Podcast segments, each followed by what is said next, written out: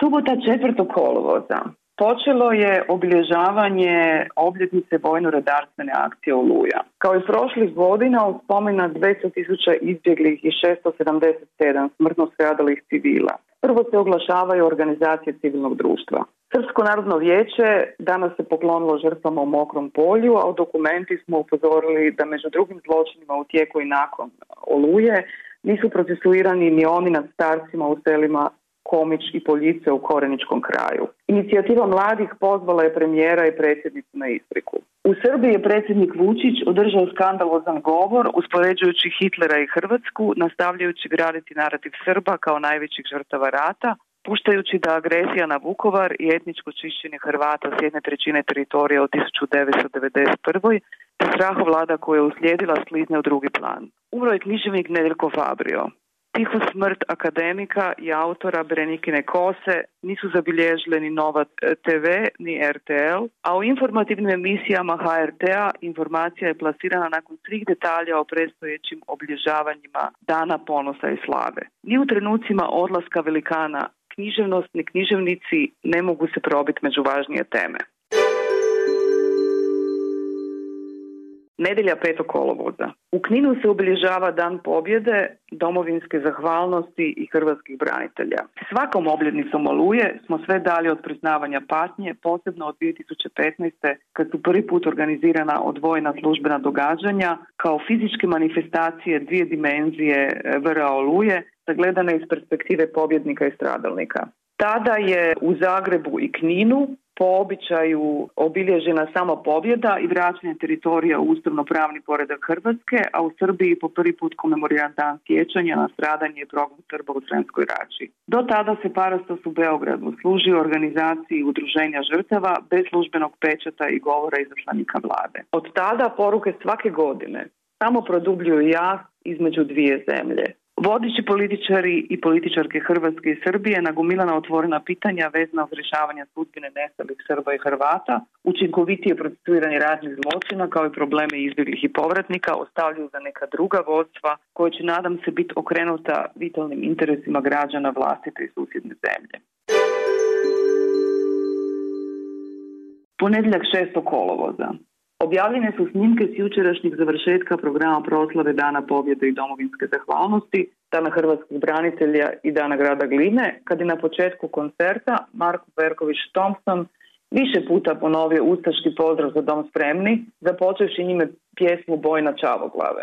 Dokumenta je pozvala organizatore iz grada Gline i predstavnike vladinih institucija Republike Hrvatske da osude korištenje pozdrava zločinačkog ustaškog režima. Pozvala je policiju da podnese prekršajnu prijavu protiv Thompsona zbog kršenja zakona o prekršajima protiv javnog reda i mira. Nedopustivo je da policija odustaje uz objašnjenje da je ustaški poklic sastavni dio Thompsonove pjesme, temelići to na odluci prekršajne sutkinje i Slunja, koja se kosi s praksom Visokog prekršajnog suda i Ustavnog suda. Policija je bila i dužna žaliti na tu odluku što je propustila učiniti, kao što je dužna prijaviti svako korištenje pozdrava za dom spremni u javnom prostoru.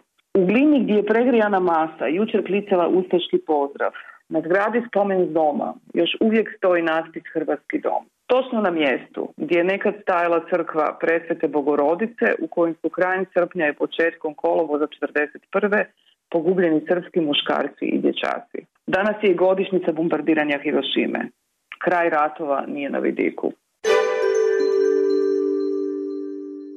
Utorak 7. kolovoza.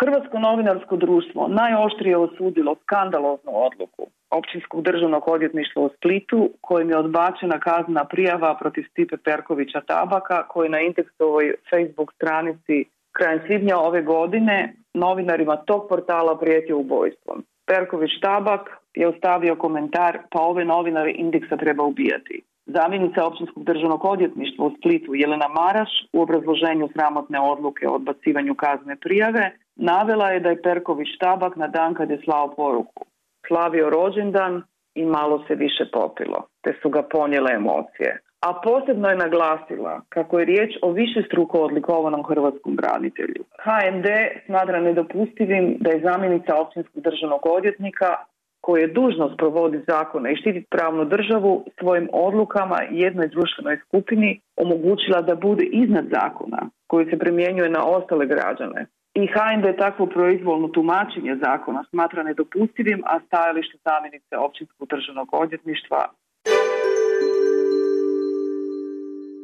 Srijeda 8. kolovoza.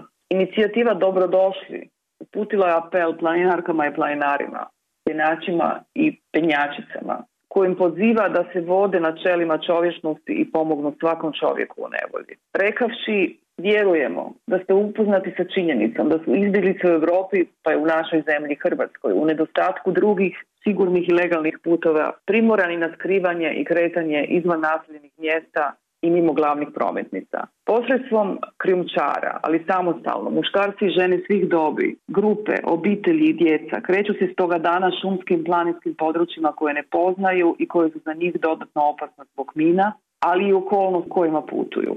Možda se neke od njih sreli, možda nisu trebali vašu pomoć, a možda im je upravo ona bila potrebna. Stoga vas ovim putem pozivamo da kako to u oslom nalažu i načela čovječnosti i postupanja među ljudima u prirodi, bez razlike pomognete svakom čovjeku u nevolji.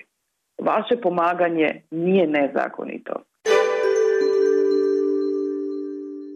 9. kolovoza. Indeks objavljuje da bi prema službenoj stranici hrvatskih studija povijest nezavisne države Hrvatske na toj instituciji trebala predavati povjesničarka Vlatka Vukilić, koja se u javnosti profilirala svojim izjavama i to posebno dok je bila vječnica radikalno desne stranke HSP-AS. Ona se primjerice u listopadu 2017. na sjednici gradskog vijeća Siska žestoko suprotstavila inicijativi da jedan gradski park dobije ime Dijane Budisavljević, hrvatske humanitarke austrijske nacionalnosti, koja u drugom svjetskom ratu samo inicijativno organizirala evidenciju i akciju spašavanja djece s područja Korduna i Kozare iz ustačkih koncentracijskih logora. Tom prilikom ustvrdila je da je termin dječji koncentracijski logor neistinit neznanstven pozivajući se na tezu da su u Sisku i Jastrebarskom zapravo postojali samo dječji domovi za ratnu siročad za koju su lijepi skrbile časne sestre. U danima kad se sjećamo dolaska prvih logoraša, Ustaški konc logore na Savi,